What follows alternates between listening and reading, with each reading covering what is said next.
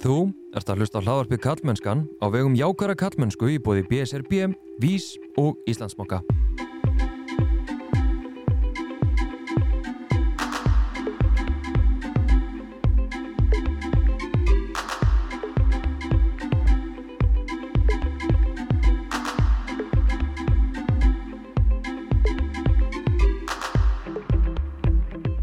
Ég heiti Þorstein Maður Feinarsson og sé einnig um samfélagsmiðlinn Kallmennskan á Instagram og Facebook og kallmennskan.is þar sem þú getur meðal annars fræðst nánar um átakið jákvæð kallmennska og þar getur þú líka gest bakkjarl við verkefni kallmennskunar með mánadalegum styrtakaríslum.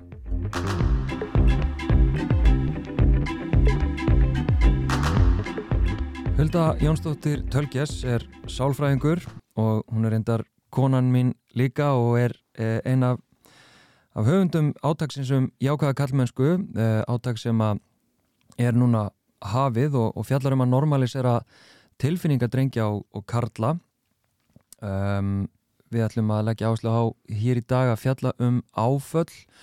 Uh, hvað eru áföll og uh, já, afleðingar áfalla og, og hérna ætlum svona að leggja áslu á á karla. Hulda, velkomin. Takk. Um, Hvernig líðið þér? Bara vel. En þér? Ég er ágættið bara samtölun okkar verða alltaf svona aðeins öðruvís eldur en önnur samtöl, kannski eðlega Já, það er svolítið skrítið að allt í henni fara að tala öðruvísi við makasinn með einhverja myndavélar og Já, eitthvað. það er enda bara myndavelar og þér ekki mér, það er ágætt Já, með mitt. Herðu, við ætlum að tala almennt um þetta átak uh, kannski bara aðeins að byrja á því um, Þú veist, við erum að leggja áherslu á að normalisera tilfinningar karla og drengja Vilt þú svara, hvers vegna er það mikilvægt? Ok, karlar og drengir í okkar samfélagi hafa kannski ekki eða hafa ekki í rauninni sama rými til þess að tala um tilfinningarna sínar, læra á tilfinningar sínar eins og, eins og stúlkur og konur. Uh, bara vegna þess hvernig samfélagið er, ekkert vegna þess hvernig þeir fæðast öðruvísi eða eitthvað þannig sko. Um, karlar og drengir leita sér síður aðstóðar og það er svona síður viðkent að einhvern veginn þeir séu litlir í sér að dabrir eða hrættir og það samræmis náttúrulega ekki þessari ímynd, þessari karlmennsku ímynd sem getur auðvitað haft bara mjög skadleg áhrif. Mm. Uh, þeir byrja náttúrulega frekar inn í hlutina og sjálfsýstinni er herri hjá körlum og veist, það er bara, það er eitthvað mikið sem þarf að breytast þarna. Mm Svo þau geti leita sér aðstöðar og einmitt lært á tilfinningarna sína sko frá því þeir eru litli drengir. En að- sem að í rauninni þá kannski verða þeir ekki fullorðnir menn með reyðivanda eða, eða e, þú veist, eitthvað svona sem þau þurfa að byrja að grúska í þá sko. Já, já. Ég veit, við getum líka bara gert þetta persónlegt af því að ég sko, að erum að tala um tilfinningur um að tala um áföll og, hérna, og allt þetta. Og þú ert hérna sem bæði sálfræðingur og höfundur þess átags og, og kannski makinn minn. Mm -hmm. þannig að við getum blandað öllum þessum sjónvöldum saman. En þú veist, ég til dæmis vil meina að, að innræting kallmennsku hugmynda sem að bara er einhvern veginn kemur úr, þú veist, bæði ímyndir eh, ef að segja vináttu sambönd uh, uppeldi, þetta, þetta er samblanda öllu. Ég vil meina að þessi íhjálpsama ráðandi kallmennsku hugmynd eða hugmyndir sem að við erum mjög upptíkin af í okkar samfélagi mm, hreinlega geti virka bara sem geti bara hreinlega traumatiserað uh, kallkins einstaklinga Já, ég meina þetta er bara hindrun, þetta er bara risastór hindrun vegna þess að ekkert okkar fyrir gegnum lífið að hans að lenda í erfiðum atbyrðum eða einhverjum áföllum og svo lendur í einhverju erfiðu og þú átt ekki bjargráð til þess að hjálpa þér upp úr því. Það er bara mjög alvarlegt. mm. Þannig að þetta er algjörlega, þetta, þetta blokkar það og hindrar aðgengi þeirra í rauninni inn í bata. Mm. En tengir þú þetta, ef að segja hvernig grafiður undan tilfinningum og tilfinninga þroska kannski kallkins einstakling og, og drengja, tengir þú það að einhver leiti við uh, hátíðinni sjálfsvíga meðal kalla eða? Mér finnst það að gefa auga leið uh, vegna þess að sko, við, sko fólk getur nota bjargráð og getur fólk kannski er með sjálfsvísugsanir uh, eða einhver plön um, um, um að taka eigi líf og fólk fyr, og fær fag aðstóð þar sem það fær bjargráð og það sem það fær einhver úrræði. Ef að þú ert karl og það er minna viðukend eða ekki viðukend að þú fáir og leytir þessar aðstóðar og berskjaldir þig þá, þá hefur ekki aðgengi. Mm. og, og hvað áttu þá að gera að þú áttu ekkert bjargráð? Þú veist, mér finnst að gefa auga leið að, að þú ferð á mís við það að fá aðstöðuna sem gæti hjálpa þér út úr til dæmis þunglindir sjálfsvísugsunum mm -hmm. en það, þarna kemur þarna er eitthvað sem hindrar það já. þannig að ég myndi vilja segja það, já og hérna og þau sem er að hlusta að það er sem sagt við höfum gefið út þrjá aðra þætti hérna sem að tengjast þessu hérna, þessu átaki eitt þáttur með hérna, um þunglindi og sjálfsís hugsanir uh, annar þáttur um, um skömm og uh, svo er þriði þátturinn um, um hérna uh, reyði reyði, nákvæmlega um reyði og þessi við ætlum að fara inn á, inn á áföll uh, í þessum þætti líka. Uh, en áherslutnar bara svona almennt í átækinu uh, við erum svona að lega okkur að fara vitt og breytt við erum bara almennt að tala um tilfinningar Já. og hérna og svona draga fram alls konar, ef að segja bæð það sem að svona, hefur verið dreifar með rannsóknum og, uh, og almennt það sem við vitum um afleggingar þess að strákar fái ekki uh, að tjá tilfinningar sínar og einmitt líka hvernig það gerist að strákar læri að tilfinningar sé ekki fyrir þá mm -hmm. þannig að við erum svona að draga upp hérna alls konar dæmi uh, átaki fer, fer náttúrulega fram á, á bara öllum miðlum kallmennskunar og vonandi reykist á einhverju auglýsingar hér og þar. Uh, hérna, þetta, er, þetta er fjármagnað af um, svo ég plöggi þínu hérna veður einu í annað. Þetta er fjármagnað af, af Íslandsbanka og, og VÍS BSRB, Forsættistráðanetinu og uh, Félagsmálaráðanetinu þannig að hérna þau eru að, að fjármagna alla þessa vinnu og alla þessa byrtingar eh, eitthvað meira svona almennt um átækið og, og áhersluðnar sem að mm. sem þú vilt skýra út.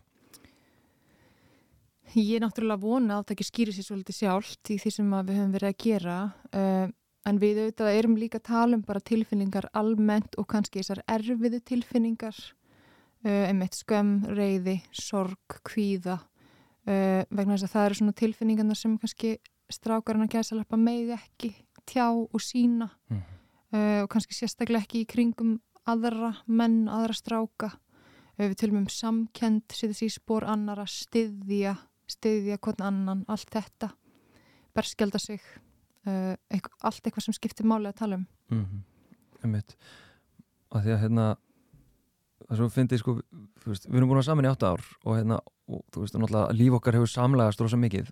En við erum í grunninn alveg óbúslega samt líka ólík eins og til dæmis þegar við erum að halda fyrirlestra. Mm -hmm. sem ég veist fínt að halda svona ákveðin fjarlægð og hérna að vera svona veist, mér finnst best bara að hafa 500 manns í salnum og, og vera bara upp á einhverju sviði Einmitt. þú vilt helst að bara fjóra og vera mhm. svona ótrúlega náinn mm -hmm. uh, þetta kannski lýsi líka pínu svona ef að segja okkar tengslum og okkar sambandi þar sem að, þar sem að við erum tveir einstaklingar einhvern veginn að reyna að dela lífi og, og, og á ástinni og svona að vera tengd einhvern veginn yep hérna, viltu eitthvað aðeins mm -hmm. þú mhm. veist, hvað maður að segja berskjálta mig, viltu hérna varpa ljósi á svona hvernig hefur blasið við þér að vera með mann, í sambandi við mann við mann sem að e, hefur í rauninni lifað upp í þessa, þessa stereotypísku kallmennsku hugmynd og, og er mhm. einhvern veginn bara óþróskaðar á tilfinningarsviðinu og hefur verið að reyna að glíma við það mm -hmm.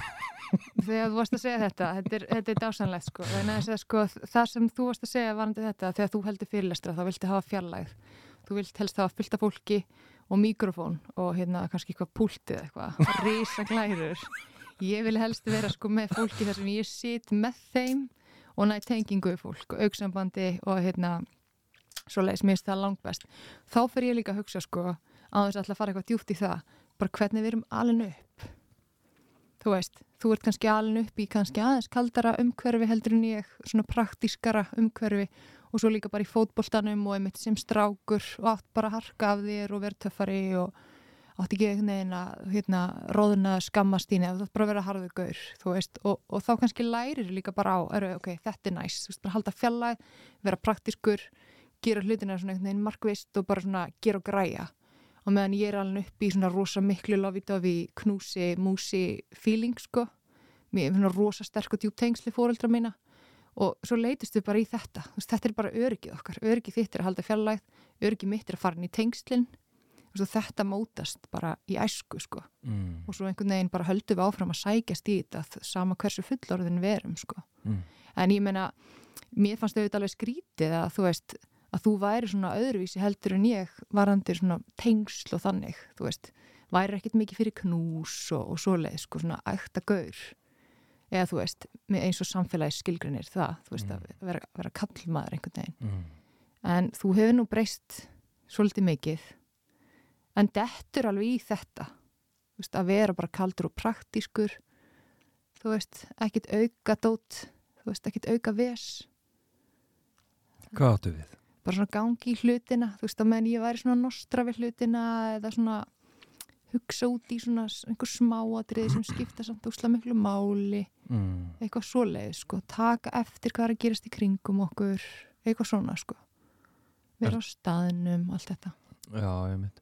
En ég meina hvernig, þú veist, þú vísa til þess að eitthvað hafi svona breyst, en ég meina ef við bara tölum um þegar við erum að byrja saman, til dæmis, þú veist, bara fá þitt hérna, sjónarhóttn á þetta, hérna, fyrstu, fyrstu árin svona og, og mm þú veist, þú varst að reyna einhvern veginn að tengjast og, Já, ég menna, ég sá auðvitað alltaf hvaða einhvern veginn mann og það er að geima og það var einhvern veginn það sem að, sem að hjálpaði mér alltaf bara að, að, vilja vera áfram saman, þú veist, að ég sé hver þú ert og einhvern veginn úr hverju þú gerður og sá síðan að því fannst bara svolítið erfitt að tjá tilfinningarna þeinar og vera einhvern veginn að berskjalda þig og, og já, fara svona í, í einhvað allt og djúft tilfinningasamtal, sko. mm, En ég, hugsa, ég er náttúrulega líka búin að vera kona í þessum heimi bara í, í mörg ár uh, og hefur í samböndum við kallmenn. Þannig að þetta var ekkit nýtt kannski fyrir mig. mm. En það náttúrulega er líka á, þú veist, að þú talar um, sko, ég sá hvaða mann þú hafði verið að geima, svona eins og hérna að í teiknumyndunum, skrimsli sem að konan læknar og allt þetta, þetta getur náttúrulega líka verið mjög skadalegt ef að Já, þú veist komar að segja, einhvern veginn að halda í vonina já, ég sé samt hvað hann er næs og bak æ, já ég ætla að bjargunum, ég ætla að leysa hann út úr hérna prísundinni. veist, Mhm. þetta er náttúrulega eitthvað, er eitthvað sem að ég þurfti að taka ábyrð á Já. og þetta er eitthvað sem menn þurfa að taka ábyrð á ekki konurnar í þeirra lífi Já, og það er típist náttúrulega að við verðum meðvirkar. mm. Og svona, já, þú veist, ég sé hann ennú svo góður en svo er hann bara kannski úslega kaldur og leiðilegu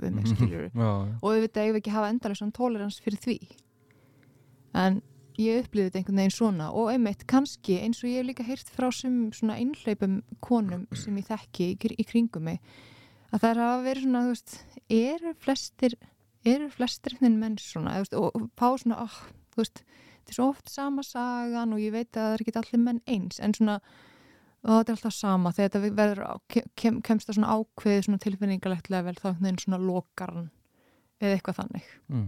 um, þannig að þetta var ekkert nýtt fyrir mig kannski.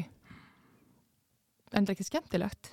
Nei. þetta er ekki gaman að þurfa einhvern veginn svona já, já, eins, og, eins og amma mín heitinn saði hérna alltaf þú veist að þarf að ala þá upp. Þú veist, hún var fætt 1930 eða eitthvað. Mm. þú veist þú þarfst að ala þá upp og það tekur tíma. Þetta var hennar líf. Hún ól afa minn bara upp. Mm. skilur og þú tókst við og ólst mig upp eða hvað Já, ég meina mamma mín ól pottit pappa minn upp og síðan konan sem pappi með í dag ala hann upp ennþá sko. mm. Og svo er ég búin að vera að ala þig upp og ég er svona aðeins að sleppa tökum aður og minna þig svona af og til á. Það ferði út af spórin. já heimitt en ég heimitt hérna áttaði mig á því að, að úst, sko, kannski svona þegar ég fatta að, herði ok, ég, ég vill ekki vera svona kaldur, mér langar ekki að þetta sé svona erfitt að, að því að þú veist, þú er náttúrulega alveg bara eins og fólk heyrir og sér skilur frá því, þú ert alveg fáranlega blíð og elskuleg og hérna og svona mjúk og eitthvað þó sett líka alveg hérna eh, aggressífa, skjóta niður sjálfstæðisflokkin og, og skilur, no bullshit típa. En, en þú ert svona blíð og hérna og, og elskandi og hérna þannig að, veist, mér stafaði aldrei neinn ógn af þér þó að, sko segja, tilfinningar mínar voru einhvern veginn að senda mér skilabóðum að mér stafi ógn af þér Já. Þú veist, að ég, þú veist, eins og þegar þú kemur og, og segir mér eitthvað hlut og mér finnst það óþægilegt, þá upplýfið ég bara að þú ert að ráðast á mig Mm -hmm. og, og hérna og eftir einhver tíma þá áttaði maður því að þú veist, ég, ég þarf að taka ábæða þessu, ég þarf að leta mér aðstöðar og, Mhm. hérna, og fer til sálfræðings og hérna og segi bara, herri, ég vil læra aðeins og tilfinningar mínar ég er að læra nánd, ég er að læra að tengjast konunum minni Já, mér langar að læra það, menn að kenna mér það Mhm. og, og þá bara förum við gegnum eitthvað svona eitthvað ferli og veist, ég fyrir einhverja marga tíma þarna og, og hérna og enda síðan uh, veist, og það er alveg fínt, veist, ég lærði alls konar Mhm. veist, ég gæt staðsett ég mann náttúrulega ekki núna annars bótt skilur hvað það var Mhm. nákvæmlega sem ég man hérna, hvað ég lærði þar, en það sem að svona kannski það sem að þú upplýðir einhverja verulega breytingu á Mhm. m- mínu fasi eða minni hegðuna framkomu var í kjölfarað af, af EMDR meðferð Mhm. um, k- ég meina hvað hva, hva sástu, hvað breytist, hvernig upplifur þetta? Mhm. Ok, ég meina kannski bara svona til að bara útskýra ef einhver veit ekki hvað EMDR meðferð er. Þú veist að það er svona sérhæð svona meðferð uh, sem er mikið notuð við áföllum. Um, og með því að segja, með, með hugtökinu áfall, þá, þá er ég að tala mjög vítt hérna. Veist, þetta getur verið tengsla áfall, tengt fóreldra um aðalega æsku, þetta getur verið bílslis, þetta getur verið, uh, þetta getur verið eiginlega hvað sem er, veist, það sem að fólk upplifir sem áfall, það sem er áfall fyrir það. Og það sem að gerist hjá þér þegar þú ferði í MDR, það sýnir rauninni að þú þurftir á sér áfalla með að ferða að halda. Uh, og þá sé ég fyrst og ég menna, ég er MDR meðferðaðli og það er ekki eins og ég hafi bara séð það sem ég vildi sjá. Og ég er alveg meðvitið um svona skekkjur og þannig, en þegar þú komst heim eftir einhverja tíma í MDR, þá var ég svona byrju, nú er eitthvað breytt. Nú er eitthvað svo er ég bara held að oh, come on, þetta er bara svona, þú, þú heldur það bara. Þú veist, og svo er ég bara að gefa mér nokkra vikur og mánuði og svona, svo var ég bara tekur þú ekki eftir breyting á þér? Þú er svona eitthvað, ná, ég veit ekki alveg. Að því að ég sá mjög mikinn mun, sko. Þú veist, ekki jafn svona kaldur, pyrraður stuttur í spunan þú veist, einhvern veginn svona bara mildari og blíðari með einhvern veginn svona bara meiri samkend meiri einhvern veginn þólil með bæði bara svona heima almennt og fyrir krökkunum. Um, og ég menna það sem þú varst náttúrulega að gera í þessari MDR með fyrir að vera vinna úr áföllunum og bara áföllum sem þú varst fyrir sem barn og úlingur. Veist, sem að skiptir ótrúlega miklu máli það er náttúrulega og sko tengslinn okkar og áföllin okkar í æsku þau móta okkur svo ótrúlega mikið ég meina að það var allt saman að fylgja þér inn í magasambandið okkar eitthvað sem tengdist þínum samskiptum og einhverju sem gekk á þínu lífi þegar þú varst krakki Mm. þú þurftir að fá ákveðna svona áfalla úrvinnslu og úrvinnslur á þetta.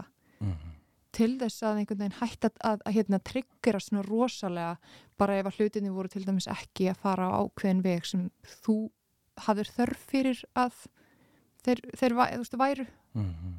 Já, líka bara hvernig ég tólkaði atbyrði sem að voru ekkit endilega neitt, hvað maður að segja merkilegir eða, eða stórkostlegir að þú veist, þeir voru einhvern veginn svona stærri og, og þá kannski aggressívari viðbröð við þeim og, og, og hérna og einmitt svona auðu, þú veist hvað var að segja þú veist, ég var alltaf að reyna að beta hugleislu og hérna eitthvað svoleið sko, til þess að mhm, svona svona vera bara temmilegur hérna, í lífinu, mhm. en svo náði það aldrei x langt. Þú varst þá að plástra bara. Já, Mhm. að meina EMDR einhvern veginn fór í dýftina en hérna, ok, það er tvent mér langar að vita sem sagt bara að útskýra hans hvernig EMDR virkar, en líka það sem er hérna, eins og í mínu tilfelli sko ég var ekki að tengja við það að ég hefði orðið fyrir einhverju í lífinu sem að gæti eitthvað markað mig á eitthvað neikvæðan hátt.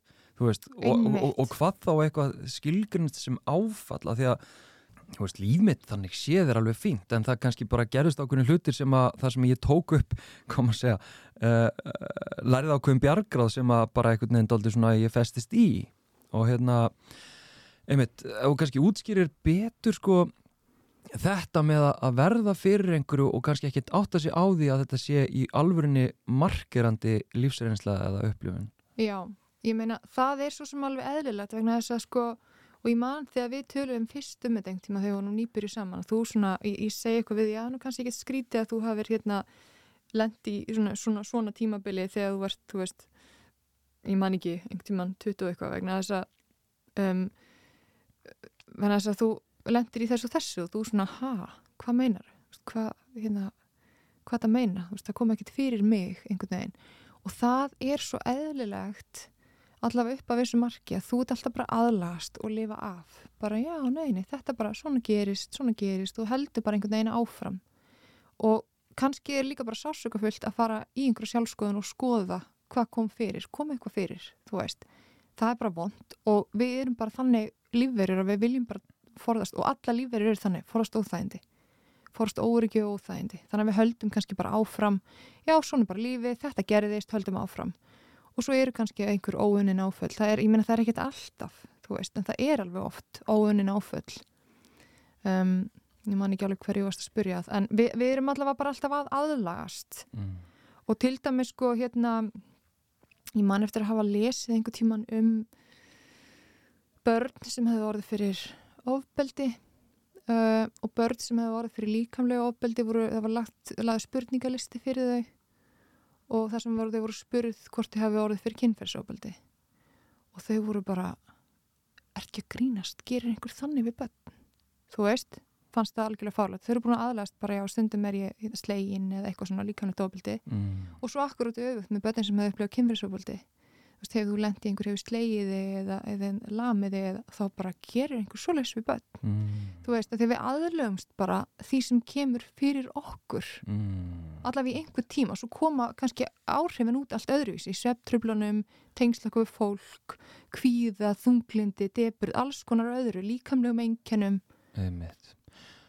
og, og, og almennt getur við sagt að, að kallar uh, þeim er innrætt aldrei svona að, að hérna, já já þetta gerðist eða þú veist þetta er einhver reynsla sem að það já já við bara heldum áfram þannig að það er rauninni verður eftir svona já það er náttúrulega í MDR er notað sko partur já, já. sem þú kannski fer inn í og eftir en hérna við getum notað bara myndlíkinguna að verða svona sár, opin sár mm -hmm. þú veist að fennir yfir það en það er ennþá, það er opið Já. sár eitthvað staðar mm -hmm.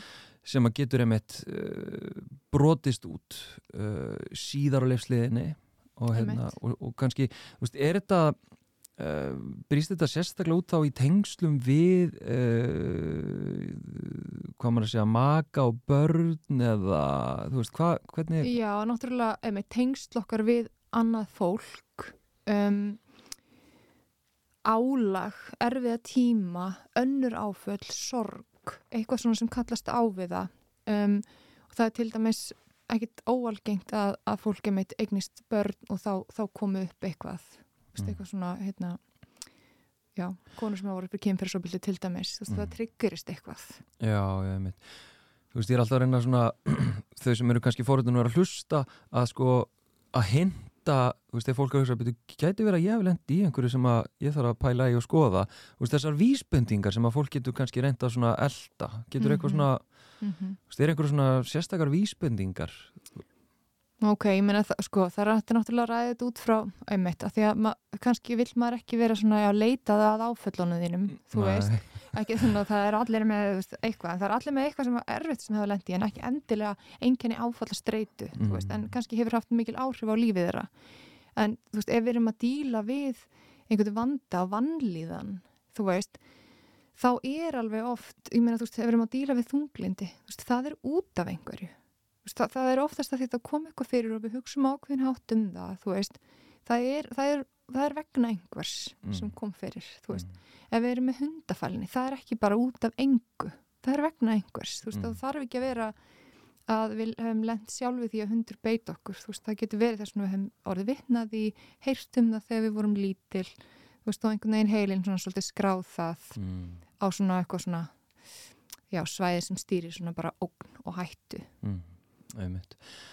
En ef að þú kannski svona aðeins útskýri, menna þú beitir bæði MDR meðferð og hugrætnaðadöls meðferð eða hvað mm, uh, ham uh, þú veist, þú þegar fólk kemur til þín menna, veit það að það þarf að fara í MDR meðferð eða hvernig virkar mm. þetta?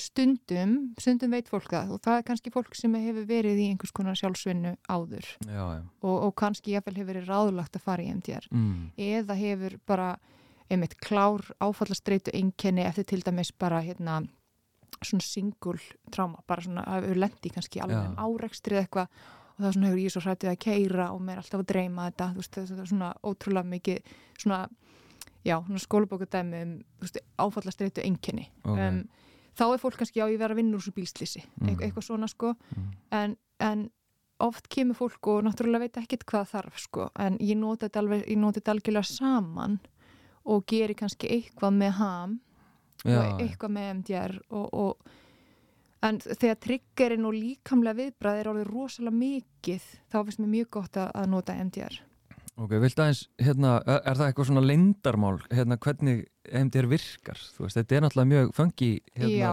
dæmi og, og kannski, þú veist, EMDR úrvinnsla og partavina, þetta er eitthvað mm -hmm. ólíkt, eða ekki? Já, partavinan er svona, svona annar ángi og það, ég, já, ég upplifði svona, partavinan er meira svona sem að, eitthvað sem fólk hefur ekki heyrt mikið um, mm. en mér finnst hún gagnast mjög vel og hún er náttúrulega svona með hluti af þessu, maður byrjar að læra EMDR og fyrst svona fyrir svona einfaldari áföll og svo fyrir flóknari áföll og, og fyrir flóknu áföllin er, getur verið gaglegt að nota parta, parta með þær líka mm. um, það sem við, runni, við erum að skoða parta af okkur sjálfum uh, sem hafa svona myndast í gegnum lífi vegna hluta sem við höfum lendi og það er kannski svona litið flóknar að tala um það en mér finnst það ótrúlega falli og hjálpli meðferð og getur einhvern veginn svona einmitt sérstaklega fyrir fólk með flókin, flókin áföll og tengsla áföll og þannig mm. um, en sko í svona stuttu máli veist, e, það, og fólki finnst þetta einmitt eins og sér, kannski svolítið fangi mm. og ég var alveg svolítið spjörrætt við þetta fyrst það er alveg ástæða fyrir því að þetta er meðferðin sem er nótuð fyrir til dæmis hermenn sem koma úr stríðinu mm. veist, það er bara að því að þetta er bara góð meðferð við áfallastreitu um, og mér hefur fundist ég svona að ah, það var svo gott að, að fá þetta verkfæri líka. En mér fannst ég einhvern veginn svolítið först með eitthvað og ná ekki alveg að hakka einhverju. Þá veist mér svona MTR ná að hjálpa svolítið mm. þar, svona að vinna einhvern veginn svolítið mikið inn í tögkerunu inn í heilanum, svona einhvern veginn aðeins öðruvísi. Mm. um, en hugurinn það fyrir líka frábær og hérna bara gott að, að blanda saman eftir því sem við á sko En ég minna eins og þú hefur upplifað sjálfur að fara í MDR meðferð, þú veist, þá er þetta bilateral stimulation þar sem verður að örfa heilakvelin sitt á hvað, þar sem við verðum annarkost að tappa á nýja axlir, fylgja ljósi frá hæri til vinstri, fylgja fingrum frá hæri til vinstri og þarna er eins og ég skil þetta flokkuna dæmi, þarna er verið að, að vinna með bylgunar í heilanum. Heilin gerir það sjálfur í svefni mm. uh, og þá, þá er, er heilin svona úrvinnslu ástandi ákveðnum hluta svepsins þar sem hann er að vinna úr bara hlutum sem gerst við dæn heilin okkar er bara alveg geggjær hann er bara ógislega klár. Mm. við erum svolítið að framkalla þetta úrvinnslu ástand og heilin nefnilega getur ekki unni sjálfur úr segjum þú lendir bara í hræðilegu bíslýsi svo fer að sofa, þá er að heilinin mjög sjaldan kannski bara svona ég vinn úr þessi nótt mm. og þú fýtna morgun þú veist, ef þú ert með áfallastætti þá gerist það ekkert en EMDR hjálpar okkur að fara inn í þetta inn í þessar miklu, þessar miklu líkamlegu enkenni og tryggjara mm. mm. og þannig að kannski út búin að ná að gera góða úrvinnslu á eitthvað atvik eins og bílslisið eitthvað uh, þá náttúrulega sést árangurinn oftast í því að þú getur kannski farið út að keira og ekki verið í að tryggjaruð mm.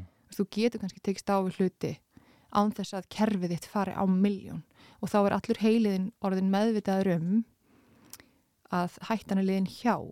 Þetta er búið, þetta er ekki að gerast aftur. Viðvörunarkerfið okkar fer alveg á miljón bara þetta er að fara að gerast aftur. Og heilin okkar er þannig að á að vara okkur við. Mannstu þetta gerist, þetta var óslæst sárt þetta gæti gerst aftur. Og þá er heilin bara með bara raukt ljós í gangi sko. Mm. þá verður við auðvitað kvíðin og hrætt og í viðbrastuð tryggaruð Já, einmitt og hérna ég man einmitt að þegar við erum að tala um þetta sé svo fengi, ég vil nú ekki vera eitthvað að hræða fólk frá því að skoða þetta en, en til dæmis bara þú veist mm, það sem er mjög svo merkilegt sko er að uh, ég, ég kannski einmitt er aðnað einhverjum tíma og, og hérna og svo ég að rifi eitthvað upp eða sjá eitthvað fyrir mér og, og svo eitthvað, ok, haldi þá tilfinningu mm -hmm. og svo, svo eitthvað svona einhverja reyfingar eða tap og eitthvað mm -hmm. og svo eitthvað, ég man ekki hvað hún spyr alltaf Já, Hvernig, hverju tekur eftir Já, hverju tekur eftir mm -hmm. eitthvað svona og eitthvað svona og svo allt í hennu farum við alveg svona tengingar bara eitthvað sem kannski tengist ekki neitt því Já. sem að hvað maður segja, atbyrðinum mm -hmm. eða myndinni sem ég sá fyrir mér held ég bara komin eitthvað allt annað mm -hmm. og hérna, og svo bara allt í hennu einmitt, þú veist, ég hef verið hérna svona úrvinnslu og bara bara algjörlega mista bara, bara, bara veist, ég var stjórnlaus Mhm. grátandi sko, bara með leiðin sem ég var með vörubíl á mér og bara titraði alla tilfinningarna bara og bara eitthvað sprengja og hérna og hérna og ég var að hérna já, M- Margrét sem að var þá hérna, veist, er að meðfram með hérna bara, viltu hætta? Viltu Mhm. hætta? Já, hún vill, vill náttúrulega ekki fara með þig út fyrir þolmörk Nei, Þú veist, þegar við viljum ekki að fólk fara í hugróf svona helst ekki að fólk í hugróf í tímanum, þú veist, þannig að þú náður að vera á staðnum. Já. En, það, en sko það sem hún er að segja, þú veist, allt henni kom upp alls konar minningar og tengsl, þarna er heilin líka bara að fikra sig áfram í gegnum minnisnet sem tengjast. Og það er svo litið þannig í EMDR meðferðinni að hérna, sko í ham er við rosalega mikið svona við stjórn, þú veist, við gerum þetta við kortlegjum og þú veist, við æfum okkur sem er bara frábært og virkar uh, í EMDR og þess, þess vegna var ég líka spyrhætt að fara í EMDR meðferð með fólk sem ég var áður með í ham meðferð, þurfti kannski að vinna á einhverjum áföllum eða eitthvað mm.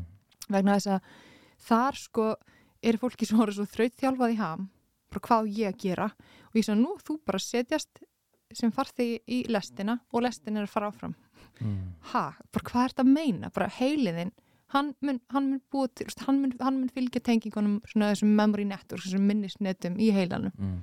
Og fólki bara hvað meinar þau, svo kannski byrja mér úrvinnslu.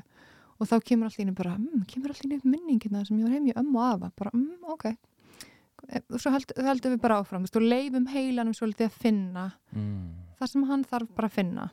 Mm. og svo auðvitað með fyrir aðeins svona já, spottar veist, tilfinningar sem komu upp eða eitthvað svona og hjálpar viðkomandi að Mm. veist, hvar finnur þú fyrir þessu, já, ég finn allt í hennu rosa hérna, spennu í hálsinum sem ég get ekki kynnt, já, ok, þú veist, þá höldum við áfram þú veist, við skoðum líka svo mikið bara bodyð, hvað er að gerast í líkamannum Mm. og hugsanir og minningar og Mm. þetta hljómar kannski svona eitthvað rosalega skrítið en hérna, mér finnst þetta bara, já, mér finnst þetta frábæð meðferð Já, ég meina, ég bara get mm. vottað um það sjálfur eða þú veist, ég upplifa að þetta hafi, hafi gert eitthvað fyrir mig og, og hérna, ég held að bestu meðmælinn eru náttúrulega kannski þú, að þú takir eftir já, já, því að, að, hérna, að eitthvað sé, hafi breyst. En hérna mest líka svo áhugavert að að, þú veist, þetta, er, þetta er úrvinnsla sem á sér staði tímanum. En síðan hef ég líka þú veist, að því ég er náttúrulega farið dálítið marga tíma og hérna, þú veist, yfir lengri tíma að þú veist, ég er til dæmis lendi í að þú veist, tímin er búinn og Mhm. hérna, hún talar um hugróf sko, að ég hef verið í tíma og svo bara, já, herruðu nú ætlar að koma tilbaka hérna og eitthvað svona og ég, já, ég mitt og ég man einhvern veginn að bað hún mig um að stafa aftur á bak já, eitthvað, bara eitthvað einfalt orð. Mm og ég gata það ekki.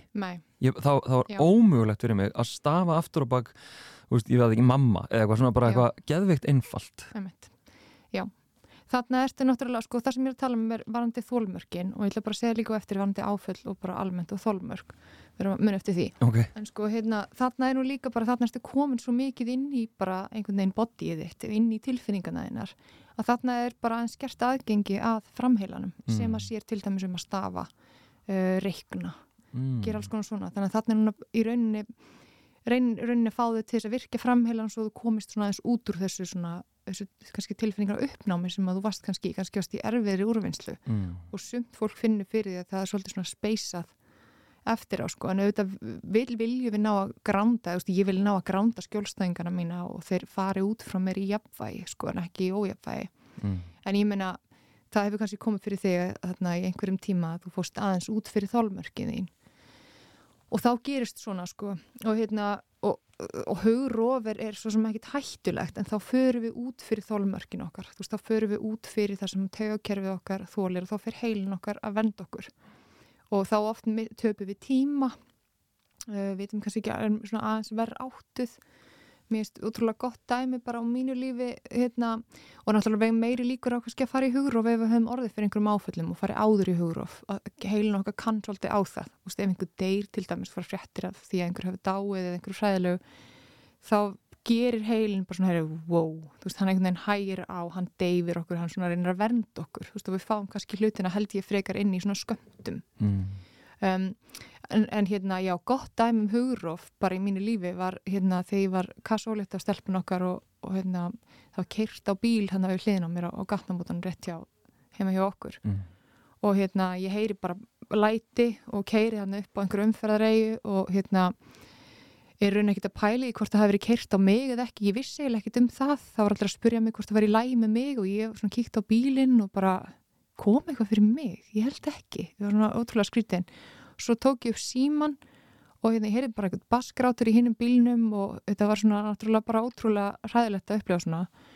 Og ég tók upp síman og ég vissi að ég ætti að eða tvo en ég var bara að reyna að slá henni símanúmerið þitt. Mm -hmm. og ég kunni allt í henni ekki símanúmerið þitt og ég kunni ekki á talna borðið á símanum mínum mm. ég sló bara alltaf, þetta var svona eins og í draumi ég sló bara alltaf inn vittlaust og þannig er ég bara komin í hugróf Mm. að því ég er komin út fyrir þólmörk Mm. mér leiði ekkit endilega eins og ég væri hrætt mér leiði kannski eins og ég væri dofin þú veist, þannig að þetta er líka það sem að gerist þegar við bara, þú veist, höfkerfi segir bara nei, ég get ekki meir mm. og hann, það bara skráði sig aðeins út sko. Mm. veist, þá getum við ekki hugsað raugrétt og fólk með sér lendir í þessu ég menna ég hef lendir í þessu því flutt fyrirlestra það mun ekki eftir hvað ég sagði það er sem betur fyrir ekki lengur þannig í dag en þá varði ég bara svo kvíðin Já. að ég bara hérna misti algjör tengsl og bladraði eitthvað og eftir á bara ég man eiginlega ekkert hvað ég sagði og fyrst, fyrstu frétta viðtölun mín ég man eiginlega ekki neitt eftir sko. það er svo fyndi það var veikt þegar maður bara í beina útsendingu á Íslandi bítið og, og ég var í svona fimm daga eftir og bara ég man ekkert hvað ég sagði Já. Hvað þvælu var að segja en varandi áföll hérna En þú varst samt mjög góð í þessu viðtali sko. já sem er alveg fáránlegt vegna þess að ég görsamlega svonað út Já. og fer, fór á einhvern autopilot þú veist, og ég veit ekki þetta er einhvers konar hugur þú veist, þar sem ég samt næ aðgengi að bara einhverju svona sem ég hef fyrir henni ég fæ kannski kjú úr þú veist, eins og spurningar frá Mm. viðmælanda þá svona, detti ég aðeins inn aftur sko, þú veist, já, ég þarf að svara þú veist, það tekur kannski aðeins lengur tíma en eftir á bara eins og sprungin bladra sko. Og ég meina, þú veist, stundum hefur fólk lendið í bara að verða algjörlega blank þú veist, bara Mm.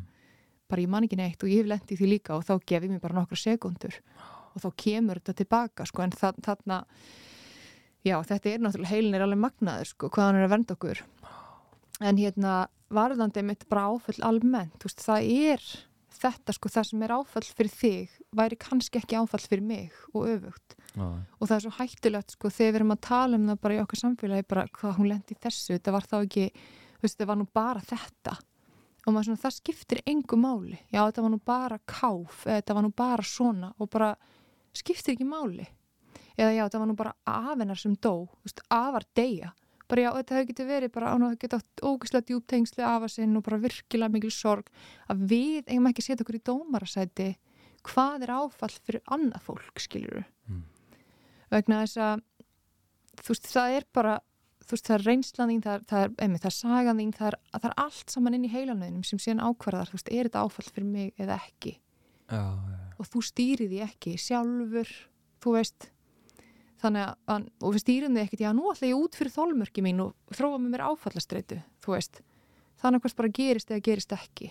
Mm, þannig að þetta er ekki við getum ekki einmitt mælt út frá aðtökinu per se heldur þetta sambland af uh, mannesku og, og hérna og aðtöki Já, og upplifunum, upplifunum og svona, því að sko oft er, svo, ta- oft er talað um bara slís, bílslís, jarðskjáltar, flóð, flugslís, auðvitað er þetta allt saman, það er mjög líklegt að verðum fyrir áföllum ef við lendum í þessu, Mm. hriðjuverk, eitthvað svona.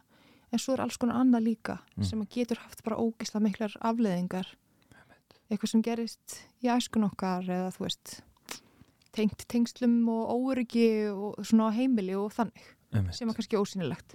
Já, sem að síðan afleðingarnar af þessari traumatistiruðu upplifun hérna, geta síðan bara lita líf okkar og samskipti og, og, og líðan og svo frammiðis þess vegna er svo mikilvægt að, að normalisera Mhm. tilfinningar okkar allra og, og, reynda bara almennt þá hérna, þreytist ég ekki að tala um að, að við erum að taka meira mark á tilfinningum og, og, hérna, og gefa þeim meiri gaum og, Mhm. og hérna, og þú veist þetta inn, innsæi eða svona gött fílingið Mhm. þú veist, bara hérna já, ég held að mættum bara taka meira marka á því sko, Já. bara þú veist, ætti ég að gera þetta eða þetta og bara hvað segi göttið Og því betur sem við erum í tengslu með tilfinningarnar okkar og vinnum úr erfiðum hlutum og svona, veist, því betur getum við treyst á þetta. Þú veist, þá er þetta ekki litað af kvíða eða áfallastreitu eða einhverju þannig, sko. já, einmitt Þannig að bara hlúa að okkur, hlusta á byrju, ok, mér líður roslóft svona, ég er roslóft kvíðin, ég er roslóft útrúlega dapur, já, ok. Það er kannski merki að, að þú þurfa að fá einhverju aðstof með það. Þá ætla ég bara að þakka fyrir spjallið og takk fyrir að, hérna, standa þessu átaki með mér Mm. að normalisera tilfinningar Karla og drengja. Fyrir ykkur sem er að hlusta þá uh, já, ættu það að geta bara nálgast í rauninni allt sem að kemur eh, sem að við kemur þessu átaki á kallmennskan.is þar er allt efnið aðge- aðgengilegt. Þetta eru, hérna, þetta eru bæði fræðslu póstar, þetta er, þetta er uh, heimildateksti þetta er uh, teiknimyndir eða svona animated grafík þar sem við höfum hérna Já, skýrt svona nokkur konsept, hvernig til dæmis við gætum verið að næra skömm meðal drengja og, og alls konar. Uh, fjóri hlaðvarstætti sérstaklega uh, græjaðir fyrir, fyrir þetta átak og alls konar meira held ég. Er ég að gleyma ykkur? Nei, ég held ekki. Nei, nei, það er bara því kikið bara á kallmennskan.is og, og sjáu þetta allt saman. En uh, Hulda Tölgjess, takk kjærlega fyrir spjallið. Takk.